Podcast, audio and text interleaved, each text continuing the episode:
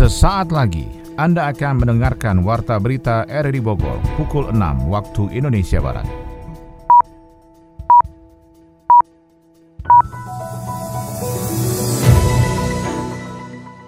Selamat pagi, salam jumpa. Kami hadir kembali dalam Warta Berita edisi hari ini, Rabu 1 Desember 2021. Informasi ini juga turut disiarkan melalui audio streaming lewat RRD Play dan juga disiarkan lewat Radio Tegak Beriman Kabupaten Bogor, Jawa Barat dan Anda bisa akses di Spotify RRD Bogor. Berita utama hari ini adalah Jelang Nataru, Muspida Kota Bogor mengencarkan vaksin di tempat kerumunan massa. Masyarakat sudah cukup banyak yang mereka akan melakukan vaksin, baik itu berKTP Kota Bogor ataupun di luar Kota Bogor yang belum berkesempatan untuk melaksanakan vaksin. Polda Jawa Barat siap membantu semua pemerintah daerah di Jawa Barat, di antaranya pemerintah Kabupaten Sukabumi untuk mengejar target capaian vaksinasi 70 persen. Mempercepat capaian dengan mengkonsolidasikan persoalan-persoalan yang ada di lapangan disinkronkan dari mulai data, pergerakan.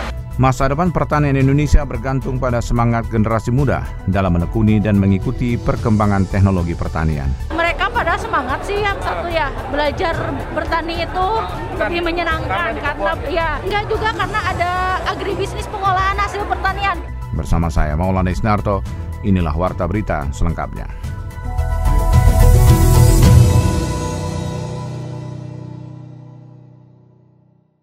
Jelang Nataru, Muspida Kota Bogor mengencarkan vaksin di tempat kerumunan massa. Selengkapnya dilaporkan Sony Agung Saputra. Langkah meningkatkan angka vaksinasi di Kota Bogor terus berlangsung dari muspida setempat, salah satunya dengan grebek vaksin di tempat kerumunan massa seperti Pasar Kebun Kembang. Kapolresta Bogor Kota Kombes Pol Susatyo Purnomo Condro menjelaskan pihaknya melakukan tindakan vaksinasi dengan mencari masyarakat di tempat-tempat yang dikhawatirkan menjadi pusat penyebaran angka COVID-19. Kami berharap tercipta herd immunity bagi semua masyarakat Kota Bogor dan mulai besok kami akan memperlakukan penyekatan untuk menuju ke pasar pasar ini dengan tujuan melakukan pemeriksaan apakah masa sudah tervaksin atau belum dan hanya orang yang sudah tervaksin yang boleh masuk ke kawasan pasar Anyar ini. Nanti belum kami hitung ya, sepertinya tadi masyarakat sudah cukup banyak yang mereka akan melaksanakan vaksin, baik itu berKTP Kota Bogor ataupun di luar Kota Bogor yang belum berkesempatan untuk melaksanakan vaksin. Jadi silakan masyarakat, para pengunjung pasar, baik itu kota KTP Kota Bogor ataupun bukan, untuk bisa melaksanakan vaksin, kita berharap pasar ini bisa menjaga prokes dan bisa lebih sehat. Sementara itu, Komandan Kodim 0606 Kota Bogor, Kolonel Infantri Robi Bulan menjelaskan masyarakat jangan mengah meski angka COVID-19 menurun. Sikap waspada harus tetap ada bahkan masyarakat yang belum mendapatkan vaksin bisa menuju sentra-sentra vaksinasi agar menciptakan kekebalan komunal dari paparan virus yang masih menjadi pandemi. Tentunya pasar, tempat wisata, pasar Anyar, pasar Bogor, semua kita akan pelajari, kita cari waktunya kapan ke titik keramaiannya, kita akan lakukan penggerbekan pasar ini untuk tujuan vaksin. Aparatur TNI Polri dan pemerintah Kota Bogor akan terus melakukan gerebek vaksin di tempat-tempat kerumunan massa seperti tempat wisata, hotel, dan restoran agar bisa mencegah paparan virus COVID-19 secara dini. Polda Jawa Barat siap membantu semua pemerintah daerah di Jawa Barat, di antaranya pemerintah Kabupaten Sukabumi, untuk mengejar target capaian vaksinasi 70 persen. Adi Fajar melaporkan. Pemerintah Kabupaten Sukabumi mengerahkan semua sumber daya dan upaya untuk mewujudkan target 70% vaksinasi dari sasaran. Target ini dikejar dalam rangka menurunkan level resiko penyebaran COVID-19 dari PPKM level 3 ke level 2 dan seterusnya level 1 bahkan menjadi zona hijau. Bupati Sukabumi Marwan Hamami mengatakan upaya mengejar target vaksinasi harus diperkuat oleh lintas sektoral hingga ke lingkungan masyarakat. Tidak hanya itu, Bupati juga menegaskan perlunya sinkronisasi database masyarakat yang sudah maupun belum divaksin agar tidak terjadi kesalahan data hingga di tingkat pusat. Jadi penguatan di setiap perangkat daerah dan juga perangkat-perangkat yang lain untuk mempercepat capaian dengan mengkonsolidasikan persoalan-persoalan yang ada di lapangan. Ini disinkronkan dari mulai data, pergerakan. Kalau melihat potensi sebenarnya pesimis karena sudah tervaksin. Masyarakat mana lagi yang harus divaksin? Nah, tinggal datanya ini yang diperlukan untuk menjawab persoalan tadi. Secara kewilayahan, Provinsi Jawa Barat juga menargetkan capaian vaksinasi 70%. Selain pemerintah, jajaran Polda Jawa Barat dan TNI juga turut aktif membantu dalam mencapai target target tersebut. Kapolda Jawa Barat Inspektur Jenderal Polisi Suntana menargetkan vaksinasi di Jawa Barat segera mencapai 70 persen agar level PPKM di seluruh wilayah Jawa Barat bisa turun dan berdampak pada meningkatnya ekonomi masyarakat. Masyarakat juga diimbau untuk selalu disiplin menerapkan protokol kesehatan dan segera melakukan vaksinasi untuk mempercepat kekebalan komunal. Saya ingin menyampaikan terima kasih atas disiplin dan kerjasama semua pihak dan disiplin masyarakat. Walaupun tetap sudah divaksin, tetap harus menjaga kesehatan. Disiplin 3M terus Sudah divaksin, harus tetap pakai masker dan lain-lain. Nah, untuk itu saya ingin mendorong seluruh stakeholder yang ada dan masyarakat untuk tetap melaksanakan vaksin, bisa datang ke gerai-gerai vaksin atau mendatangi kegiatan-kegiatan vaksinasi yang dilakukan secara serentak dan bersama-sama. Pemerintah pusat dan provinsi Jawa Barat akan terus berupaya mencegah lonjakan kasus COVID-19 pada momen hari libur Natal dan Tahun Baru 2022. Terlebih mewaspadai adanya mutasi varian baru COVID-19 bernama Omikron. Namun masyarakat diminta tetap tenang dan waspada dengan menerapkan pola hidup sehat, menjalankan protokol kesehatan serta melakukan vaksinasi untuk menciptakan kekebalan tubuh. Heran deh ah. Heran kenapa? Tuh, banyak banget yang bangga posting-posting barang mewah dari luar. Iya sih ya, ngapain juga pada bangga? Padahal negara kita tuh banyak loh karya-karya hebat. Maksudnya? Ya saudara-saudara kita tuh banyak yang punya talenta hebat. Iya juga sih ya. Sebenarnya kan produk kita itu nggak kalah hebat sama produk luar kan? Nah, itu betul. Tapi masa pandemi ini tuh kita prihatin banget loh. Makanya kita harusnya bantu mereka nih. Dengan cara apa? Ya bisa belanja di usaha mikro, belanja di usaha ultra mikro. Pokoknya beli-beli karya produk Indonesia lah. Nah, bener tuh. Kalau bukan kita yang peduli, siapa lagi? Tapi jangan cuma ngomong doang, beneran beli. iya, iya. Bangga menggunakan produk negeri sendiri, bentuk perjuangan di saat pandemi.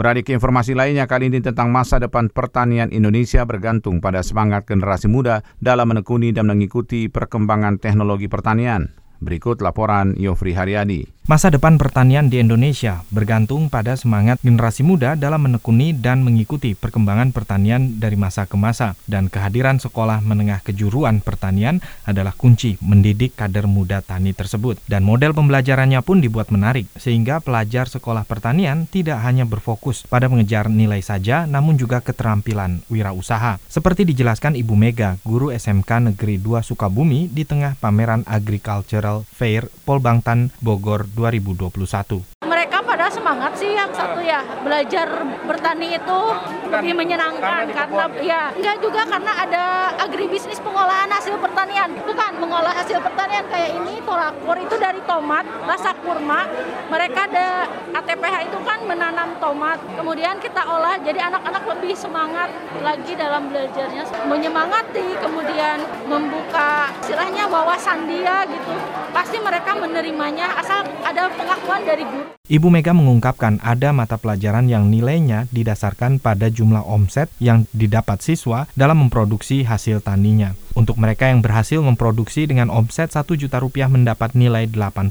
Kini usaha pertanian semakin terbuka, terutama di daerah agraris. Penggunaan aplikasi jual beli dan media sosial membuka peluang untuk berkreasi dalam memproduksi dan memasarkan produk pasca tani mereka. Naufal, pelajar SMK Negeri 2 Sukabumi mengatakan di masa mendatang pertanian menjadi tulang punggung ekonomi bagi negara. Kalau orang tua kita dulu pertani ya gitu-gitu aja gitu. Hmm. Tapi ketika kita ngelihat ke masa demi masa hmm. pertanian itu bisa gitu. Dan saya juga percaya pertanian di masa depan yang akan datang bakal jadi tulang punggung negara gitu. Ya pandangan saya seperti itu sih. Tidak sedikit tantangan yang harus dihadapi para petani, terutama petani milenial yang baru masuk dalam persaingan usaha yang cukup ketat dan bebas. Dan salah satu komoditas yang diunggulkan di Sukabumi adalah kopi. Rizwan Hidayat, petani milenial asal Sukabumi mengatakan harga kopi kini sangat dipengaruhi dengan masuknya produk dari daerah lain seperti Sumatera dan ini menjadi tantangan tersendiri baginya. Pertaniannya main, terus kita juga proses sendiri. Cuman kita farmingnya di Kabandungan, Sukabumi, geothermal salak. Jualnya? Jualnya yang susah. Kita kan pasar yang sangat besar tuh kan Jabodetabek, PPKM, PSBB terus dilanjut. Ya gimana? Kopi-kopi dari Sumatera juga turun kan. Jadi tantangan sendiri lah buat petani, proses juga sama saya. Kalau untuk harga itu sama aja, cuman daya belinya. Masa pandemik menjadikan omset dan daya beli masyarakat atas komoditas kopi menurun tajam hingga 70 persen. Namun di sisi lain, kreativitas dalam mendongkrak penjualan pun dilakukan dengan memperlebar produk yang dihasilkan tidak hanya kopi dalam kemasan dan minuman kopi. Dengan produk turunan yang sama, kopi diolah menjadi bahan dasar kue, bahkan produk esens atau aroma kopi yang menjadi bahan dasar pewangi ruangan dan parfum. Kementerian Pertanian menggelar Agri Festival 2021 di Polbangtan, Kota Bogor. Sony Agung Saputra melaporkan. Politeknik Pengembangan Pertanian Kementerian Pertanian yang berada di Cibalagung, Kota Bogor menggelar Agri Festival 2021.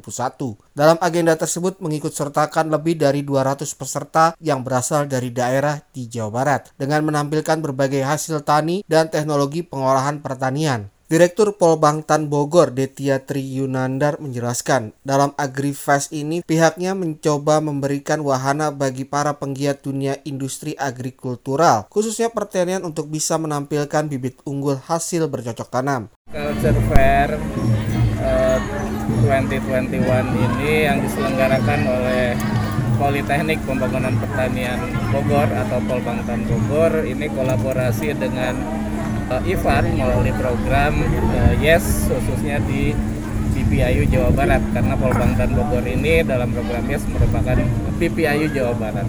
Ya tujuannya pertama ini untuk meningkatkan kapasitas kewirausahaan pemuda di sektor pertanian ya itu uh, tujuan utama. Nah melalui kegiatan ini tentu harapannya nanti para pemuda-pemuda ya yang melalui program BIAS ditingkatkan kapasitasnya ya baik itu nantinya sebagai tenaga kerja sektor pertanian maupun sebagai wirausaha sektor pertanian ya.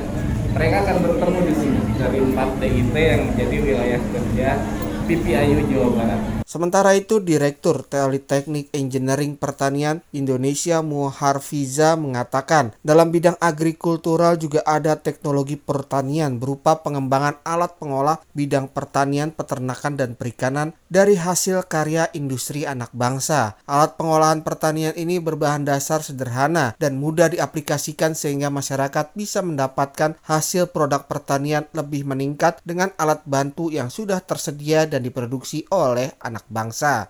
Alat Sintan itu di Indonesia banyak sekali. Nah, kemudian banyak sekali bantuan-bantuan alat Sintan yang ada di daerah itu belum teroptimalkan dengan baik. Misalnya saja dalam pengoperasian maupun dalam perawatannya. Nah, PEPI hadir untuk dapat membantu masyarakat untuk dapat memperbaiki atau menjadi teknisi daripada Sintan tersebut untuk dapat dipergunakan di lahan sawah agar lebih optimal kembali. Dalam halnya dengan kewirausahaan, kebetulan di booth kami, uh, kami membuat spare parts. Jadi mahasiswa-mahasiswa PPI membuat spare parts yang paling umum digunakan oleh masyarakat. Misalnya ada namanya finger transplanter.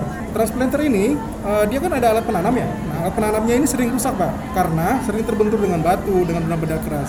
Sehingga PPI hadir di situ untuk mencoba membuat spare parts untuk membantu masyarakat. Dalam Agri Festival 2021, kaum milenial menampilkan hasil pertanian yang akan mendapat bantuan permodalan dari berbagai instansi sehingga bisa menambah daya dukung usaha untuk bisa mengembangkan industri pertanian terutama menjaga ketahanan pangan dan meningkatkan ekonomi kreatif di Indonesia.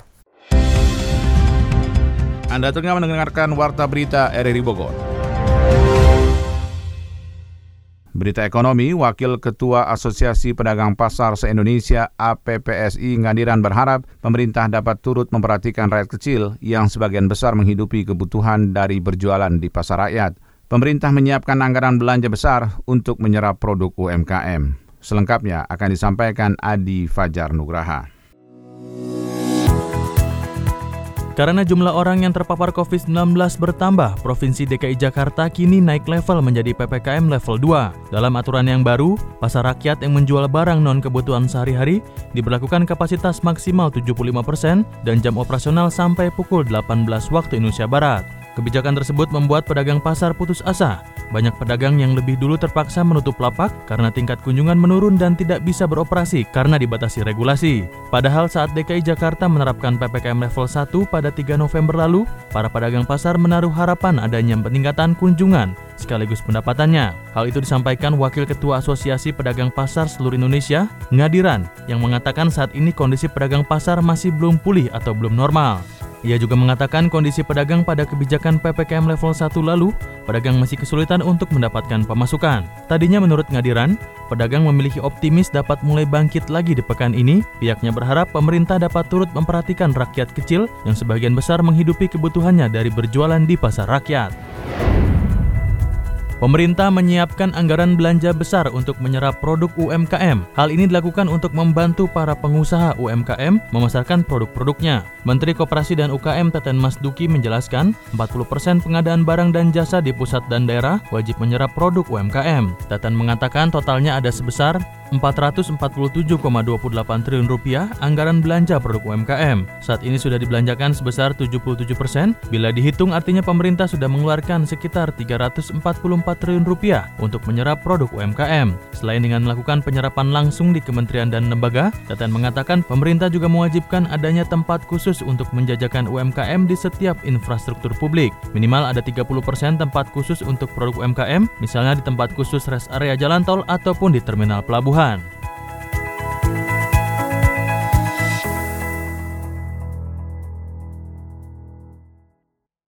Magdalena Andersson kembali terpilih menjadi Perdana Menteri Swedia untuk kedua kalinya pada Senin 29 November 2021. Pada hari itu anggota parlemen Swedia menerima rencananya untuk memimpin pemerintahan Swedia dari Partai Sosial Demokrat. Sebelumnya, Anderson sempat terpilih sebagai Perdana Menteri Swedia pada Rabu tanggal 24 November 2021 sebagaimana dilansir Politico, namun mundur beberapa jam kemudian karena pengajuan dananya tidak disetujui parlemen dan juga Partai Hijau mundur dari pemerintahan koalisi.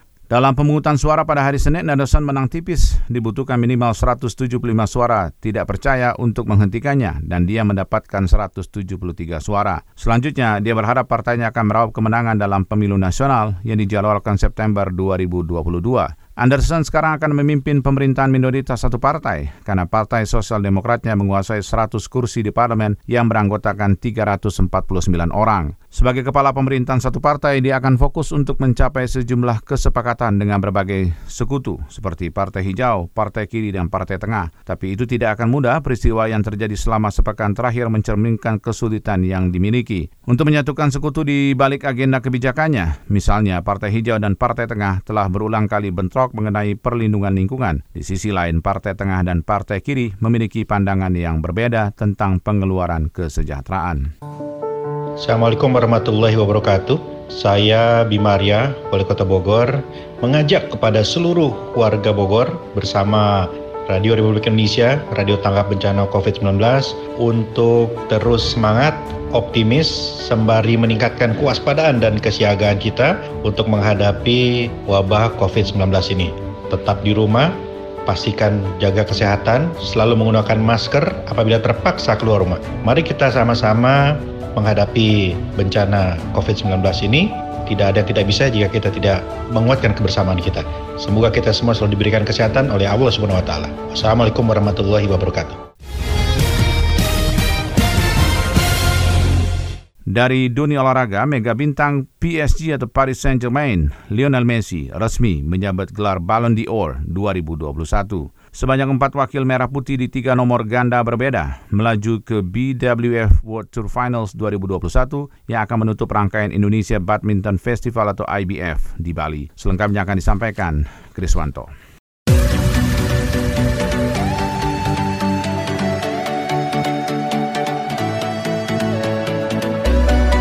Mega bintang Paris Saint-Germain Lionel Messi resmi menyabet gelar Ballon d'Or 2021 Malam penghargaan Ballon d'Or 2021 telah digelar di Theatre du Châtelet, Paris, Prancis pada Selasa dini hari waktu Indonesia Barat. Lionel Messi dinobatkan sebagai pemain terbaik dunia dalam ajang Ballon d'Or yang diinisiasi oleh majalah olahraga Prancis France Football. Messi dipastikan meraih trofi Ballon d'Or seusai mengalahkan Robert Lewandowski dari Bayern Munchen dalam proses pemungutan suara. La Pulga memiliki jumlah voting terbanyak berkat torehan 613 poin. Sementara Lewandowski menjadi runner-up dengan catatan 580 poin. Di tempat ketiga terdapat gelandang Chelsea, Jorginho, yang mengumpulkan 460 poin. Bagi Messi, pencapaian kali ini membuatnya telah meraih gelar Ballon d'Or sebanyak tujuh kali. Gelar-gelar Ballon d'Or Messi diraih pada edisi 2009, 2010, 2011, 2012, 2015, 2019, dan terkini 2021. Mega bintang asal Argentina itu pun mempertegas dirinya sebagai pemain tersukses yang pernah meraih trofi Ballon d'Or. Adapun rival abadi Messi dan peraih lima kali Ballon d'Or, Cristiano Ronaldo, terlempar dari lima besar dengan meraup 178 poin. Hasil drawing atau undian grup BWF World Tour Finals 2021 telah dilakukan di Bali International Convention Center Nusa Dua Selasa pagi waktu Indonesia Barat. Sebanyak empat wakil merah putih di tiga nomor ganda berbeda melaju ke BWF World Tour Finals 2021 yang akan menutup rangkaian Indonesia Badminton Festival di Bali. Wakil-wakil Indonesia yang lolos adalah dua ganda putra, Marcus Fenaldi Gideon, Kevin Sanjay Sukamulyo, dan Pramudia Kusumawardana Yeremia Erihyo Yaakob Rambitan. Lalu ganda putri Gracia Polii Apriani Rahayu yang lolos via jalur juara Olimpiade Tokyo 2020. Terakhir ada Praven Jordan melatih Daiva Ultravianti di sektor ganda campuran. Di sektor ganda putra, Marcus Kevin yang merupakan pasangan nomor satu dunia mendapatkan lawan yang cukup berat. The Minions tergabung di grup A bersama pasangan terbaik India dan Denmark, yakni Satvika Sairaj Reddy, Craig Sethi, dan Kim Asrup Anderskarup Rasmussen. Adapun lawan yang berpotensi menjadi tantangan terbesar Marcus Kevin di grup A adalah Liang Wang Chilin dari Taiwan. Li Wang sendiri merupakan ganda putra yang berhasil lolos melalui jalur Olimpiade Tokyo 2020. Tercatat Marcus Kevin dan Li Wang sudah bersua sebanyak empat kali. The Minions unggul 3-1, tetapi mereka kalah pada pertemuan terakhir pada laga fase grup Olimpiade Tokyo 2020. Sementara itu, Pramudia Kusumawardana, Yeremia Erik Yoke Yakob Rambitan berada di grup B Pramudia Yeremia satu grup dengan juara Indonesia Masters 2021 dan runner-up Indonesia Open 2021 Takuro Hoki Yugo Kobayashi dari Jepang. Kemudian Gracia Apriani berada di grup A nomor ganda putri, sedangkan Praven Melati di grup B sektor ganda campuran. Turnamen BWF World Tour Final 2021 akan dihelat di Bali International Convention Center Nusa Dua pada tanggal 1 hingga 5 Desember 2021.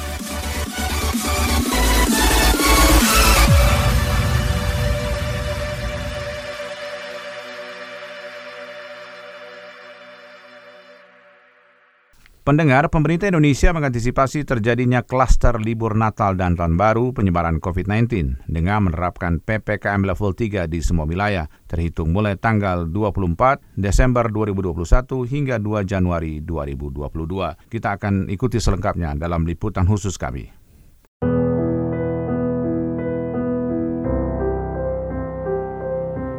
Selama libur Nataru itu seluruh Indonesia akan diberlakukan peraturan atau ketentuan-ketentuan level 3. Akhir tahun 2021 menjadi kondisi yang harus diantisipasi oleh pemerintah setelah Indonesia mengalami perbaikan kondisi angka COVID-19 Indonesia yang di bawah standar WHO, kondisi tersebut tidak membuat pemerintah lengah karena pengalaman menunjukkan kondisi penularan COVID-19 di akhir tahun yang tinggi di tahun lalu. Hal itu berasal dari klaster libur Natal dan Tahun Baru. Hal itu bukan tanpa alasan. Dalam berbagai kesempatan, Presiden Joko Widodo memberikan gambaran angka penularan meningkat menjelang liburan panjang dan hari-hari besar keagamaan. Dari pengalaman kita tahun yang lalu, Natal dan Tahun Baru ini memberikan efek peningkatan penyebaran COVID yang tidak kecil. Oleh sebab itu, saya minta betul-betul agar dikelola, diatur, sehingga Natal dan Tahun Baru ini berjalan dengan tidak ada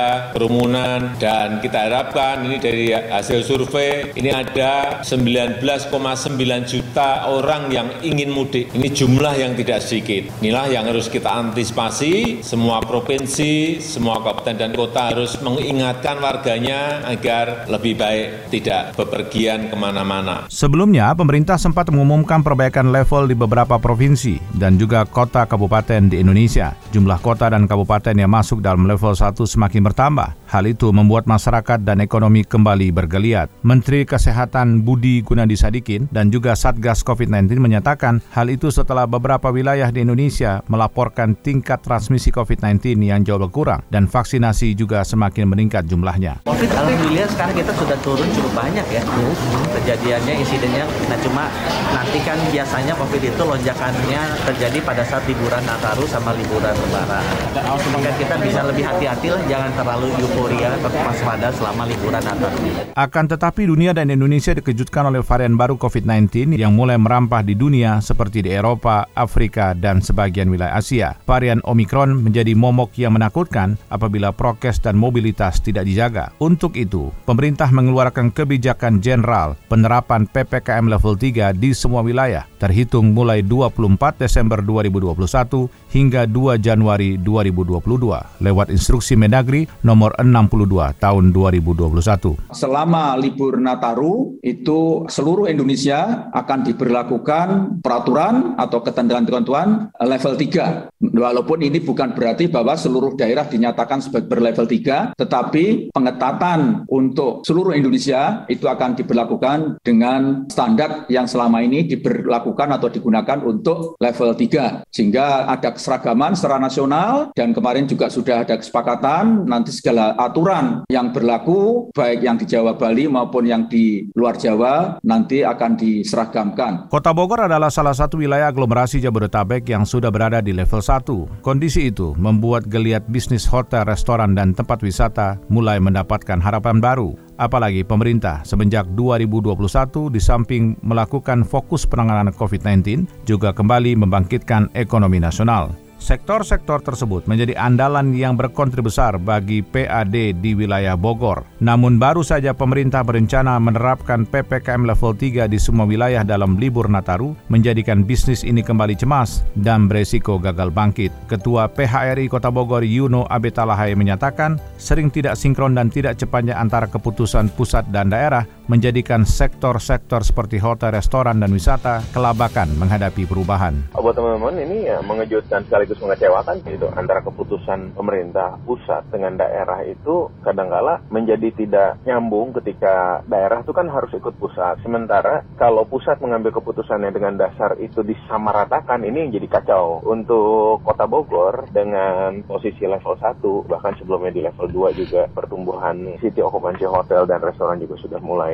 jauh membaik dibanding Juli Agustus. Tentunya hal ini itu jadi bikin kita aneh, aneh aja gitu loh. Kenapa harus putusannya disamaratakan? Kalau bisa ya pemerintah daerah juga mempertanyakan atau memang kalau bisa ya kayak semacam ngobrol lah dengan pemerintah pusat. Tidak hanya di Kota Bogor, wilayah tetangganya Kabupaten Bogor juga menanggapi hal itu dengan kritis. Walaupun Kabupaten Bogor saat ini berada di level 3, namun Nataru sebenarnya merupakan waktu yang diimpikan pengusaha hotel dan restoran serta tempat wisata untuk menuai keuntungan keuntungan. Ketua PHRI Kabupaten Bogor Budi Silistio menyikapi hal itu dengan mengatakan akan lebih banyak berkoordinasi dengan para pelaku usaha hotel restoran di Kabupaten Bogor guna mencari solusi jitu menghadapi generalisasi PPKM level 3 di masa libur Nataru. Rencananya kami juga mau ngumpul sama teman-teman membahas tentang kebijakan ini. Sebabnya berdasarkan apa kan kita juga belum tahu nih. Apakah karena kekhawatiran, apakah karena apa dari kemarin level 3 aja kita diperlakukan ya agak biasa ya di Kota Bogor level 1 padahal kan berdampingan. Kayaknya pemberlakuan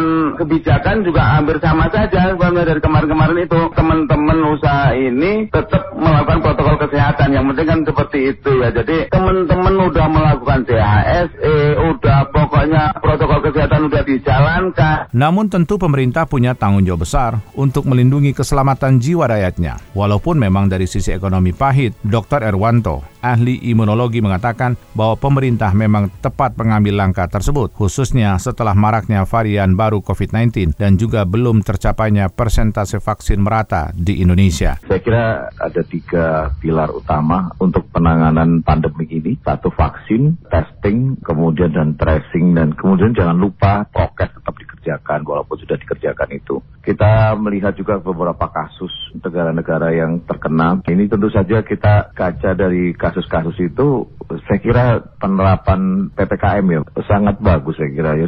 Karena kita melihat juga terus terus saja ini untuk masyarakat kita sudah mulai agak longgar ini. Kita harus mendukung program PPKM ini yang merupakan mungkin salah satu treatment dari pemerintah untuk mengingatkan kembali bahwa risiko itu ada. Sampai akhir November 2021, data menunjukkan mulai ada peningkatan jumlah infeksi COVID-19 di Indonesia, khususnya di Jakarta. Hal itu merupakan warning bagi kita untuk tidak boleh lemah dan lengah atas protokol kesehatan di Indonesia. Tetap terapkan 5M dan juga jangan lupa vaksin. Vaksin dan masker melindungimu dan melindungi kita semua.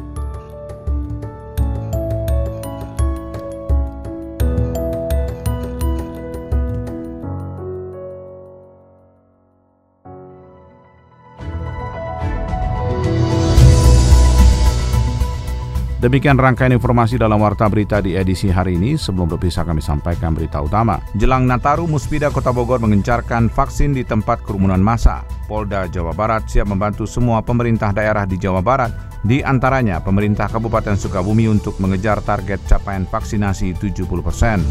Masa depan pertanian Indonesia bergantung pada semangat generasi muda dalam menekuni dan mengikuti perkembangan teknologi pertanian. Saya Maulana Isnarto, mewakili kerabat kerja yang bertugas hari ini terima kasih atas perhatian Anda. Selamat pagi, sampai jumpa.